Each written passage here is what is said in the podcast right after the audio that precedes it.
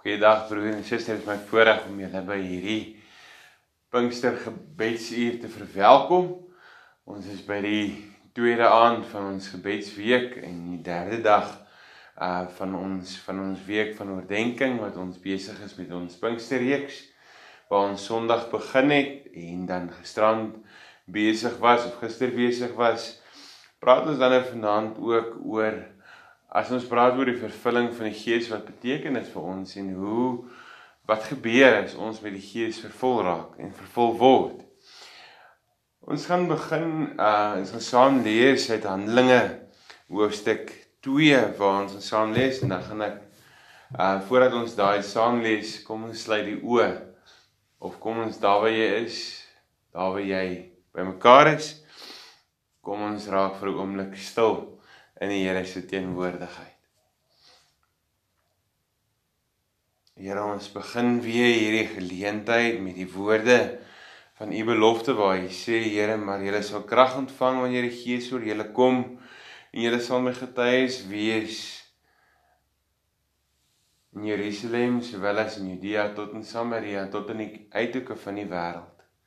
Here dankie Here dat ons bymekaar kan wees ook op so besonderse manier soos hier waar ons op 'n virtuele manier ook saam dink rondom u woord. Here, dankie dat ons ook kan vra Here dat u ook in hierdie oomblik teenwoordig is. Ons kan vra Here seën dit wat hier gebeur. Here en breek die woord vir ons oop. Amen. Toe ek sê ons lees uit Handelinge hoofstuk 2 en ons lees daarvan vanaf vers 1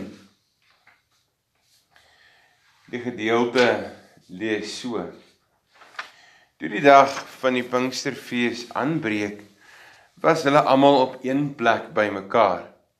Skielik was daar 'n geluid uit die hemel, soos van 'n geweldige stormwind, en dit het die hele vertrek gevul met waar hulle gesit het. Hulle het iets soos 'n vuur gesien wat in tonge verdeel en op elkeen van hulle gekom het. Almal is met die Heilige Gees vervul en hulle het in ander tale begin praat soos die Heilige Gees dit aan hulle gegee het om onder sy leiding te doen. Daar het 'n godsdienstige Jode uit al die nasies onder die son in Jerusalem gewoon. Toe die mense die geluid hoor, het 'n groot skare saamgedrom. En omdat elkeen gehoor het hoe daar in sy eie taal gepraat word, het hulle nie geweet hoe hulle dit het nie verras en verbaas sê hulle toe die mense wat daar praat is tog almal Galileërs. Hoe hoor ons elkeen van ons dan sy eie moedertaal? Perse, Mediërs en Elamite sowel as die inwoners van Mesopotamië, Judea en Kappadosie, Pontus en die provinsie Asië, Frigië en Pamfilië, Egipte en die dele van Libië om om Sirene, mense uit Rome, Jode sowel as heidene wat die Joodse geloof aangeneem het, Kretensers en Arabiere. Ons hoor hulle in ons eie tale praat oor die groot dinge wat God gedoen het. Hulle was almal verbaas en hy het die veld geslaan. Party het vir mekaar gevra, "Wat kan dit tog beteken?" Maar party het gespot en gesê, hulle is dronk. Tot sover ons skriflesing vanaand. Of as ons terugdink aan die gebeure rondom Pinkster, dan is die viering van Pinkster se oorsprong eintlik 'n Joodse fees wat gevier is wat ook bekend gestaan het as die fees van die weke of dan die oesfees. Dis op die dag wat die Gees uitgestort is op die volgelinge van Christus wat in Jerusalem bymekaar gekom het iewerste in 'n bo vertrek. Dit was op die dag wat die kerk gebore is en in 'n brandende vuur van glorie het hierdie kerk sy ontstaan gekry. En as ons dink oor kerkwees, as ons dink oor oor ons as gelowiges kan ons baie keer by hierdie vraag kom maar maar waar is hierdie vuur Waar is hierdie brandende glorie dan nou heen? Ons as kerk is baie keer vasgevang tussen aan die een kant Golgotha en aan die ander kant Pinkster. Ons verstaan die verlossing van sonde, dit wat Christus vir ons kom verwerk het, vir ons waar hy aan die kruis gesterf het. Maar ons begryp nie altyd dit wat die Gees vir ons kom doen, dit wat die Gees vir ons kom gee, die vervulling met die Gees vir ons beteken nie. Ons het almal al besigheidseienaars ontmoet iewers in ons lewe wat vir ons gesê het maar dis moeilik om goeie werkers te kry. Dis moeilik om goeie plaaswerkers te kry en so kan jy aangaan vir wel vir ons as Christene het ons die grootste helper. Die Gees self wat in ons elkeen bly, wat ons elkeen bystaan, wat ons elkeen kom bemoedig. En as ons dink aan die kerkjaar tot waar ons dan vandag is in hierdie Pinksterweek en die Pinksterfees wat voorlê, sien ons Bethlehem kom sê vir ons iets van God met ons. Immanuel, God met ons. Golgotha wat vir ons kom sê maar God is vir ons. En dan Pinkster wat beteken dat God op die einde in ons kom bly. God kom en gee die gawes van die Gees sodat sy liggaam, die kerk, ek en jy elkeen doeltreffend kan funksioneer en sy kerk op die ou ende kan uitbrei. Dat ons as gelowiges mekaar sal bemoedig, mekaar sal versterk en ander sal bemoedig en versterk sodat hulle ook tot geloof kan kom. Werk van die koninkryk is die werk van die gees van God. Want 'n mens kan nie uit jou eie krag mense se harte verander nie. Maar deur die krag van die Gees wat in ons is, kom verander die Here ander mense se harte deur dit wat ek en jy kom doen.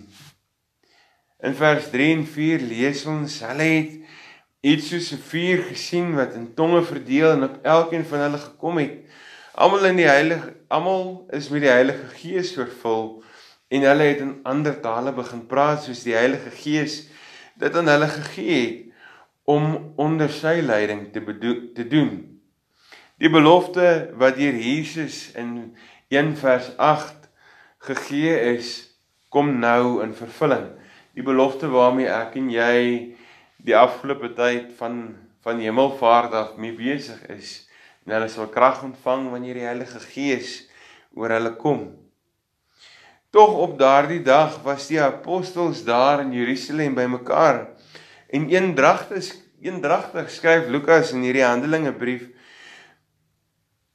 meer as een keer, maar toe die Heilige Gees oor hulle kom uitgestort is, het hulle in beweging gekom. Daar het iets gebeur. Daar's iets wat in hulle verander het. Die Gees het hulle beweeg om uit te gaan en die kerk van die Here met die wêreld die verkondiging van die evangelie te gaan verander. En deur die prediking van die apostels het die Heilige Gees ander mense laat beweeg. Die uitverkorenes reg oor die wêreld het hy beweeg om die woord te omhels en saam te kom as sy kerk. Tot waar ek en jy dan vandag is. En so was die geluid van die geweldige rukwind daar in die vertrek waar die apostels bymekaar was. As 'n teken van God se Gees. Die Heilige Gees wat sy kerk in beweging bring. Dit was die begin van die proses wat vandag nog aangaan. Die Gees word uitgestort om die kerk te bekragtig om aan die hele wêreld te vertel dat Jesus Christus die Here is. Dat Jesus Christus lewe. En wanneer ons as as gelowiges vervul word met die Gees kry ons die vrymoedigheid om soos wat ons gisterand gesê het te getuig. So wat ons Sondag vir mekaar gesê het omdat ons hierdie ongelooflike gevoel het, hierdie ongelooflike belewenis het van God wat soveel meer is kom ons tot beweging want God raak ons harte aan deur sy gees en kan ons in hierdie wêreld ingaan met die wete maar ek is nooit in hierdie pad alleen nie. Is ons bereid om die opoffering te maak en onsself verander te gee? Toe die eerste Christene op Pinksterdag, so wat ons hier gehoor het, met die Heilige Gees vervul is, was hulle nie skaam en het met so en het hulle eintlik met soveel vrymoedigheid kom getuig van wie God is dat die mense gedink het dat hulle eintlik dronk was. Maar tog beleef 'n mens dat die Gees ons vervul, dat die Gees ons dat die Here vir ons sy geskenk, die gawe van die Gees gee sodat ek en jy bereid sal wees om ingestel te word om verander te vertel, om te getuig van God se goedheid. Om in die Gees vervul te wees het tot gevolg dat die Gees nie meer net 'n inwoner of 'n bywoner is nie, maar het te doen daarmee dat ek en jy elke stukkie van ons lewe sal rig volgens dit wat die Gees vir ons lei, volgens dit wat die Gees vir ons sê, sodat ons kan verander, kan vernuwe tot 'n instrument tot 'n gawe, tot 'n instrument vir God se wêreld, vir God se mense, vir God se koninkryk. Ons as Christene se lewe moet begin so wat ons gisterand ook gepraat het van in 'n verhouding staan met Christus, met God drie enig en so reg deur elke dag bewus wees van God wat teenwoordig is, van God wat met my en met jou op pad is. Die Gees kom oor elke mens, kom gee homself vir wie bereid is, vir wie gered wil word, vir wie die Here kom roep, vir wie moedeloos is en tot en uitroep maar Here, waar is U? Here, kom vul my met die Gees. En as ons dink oor die vervulling met die Gees, is dit iets wat ons lewe verander. Ons is nooit weer dieselfde daarna nie, maar ons groei. Ons groei in die geloof. As jy terugkyk na jou eie lewe, na jou eie omstandighede, na jou eie geloofspad, is jy nie meer dieselfde as die dag toe jy tot geloof gekom het of toe jy tot die besef gekom het maar die Here is saam met my nie. As jy in 'n Christelike huis groot geword het, dieselfde. Jy groei voortdurend want jy's deel van die verbond wat die Here met my met met ons kom sluit. Waar hy kom sê, "Maar ek sien julle kind, ek sien jou God wees en jy sal my kind wees." En die Gees kom bevestig dit, die Gees kom versterk dit sodat ons as getuies in hierdie wêreld kan leef. En as ons by dit besef, dan besef ons dat die Gees ons helper is. Hy is altyd teenwoordig by ons in ons. As ons met hom gevul word, kom ons tot beweging. Ons as die Here se kerk, ons as gelowiges. Die Gees los ons nie aan onsself oor nie. Ons gee ons nie aan ons moedelose omstandighede oor en sê maar Nou is dit maar so nie, maar kom gee vir ons die krag om ten spyte van dit wat gebeur, die hoop te wees in hierdie wêreld.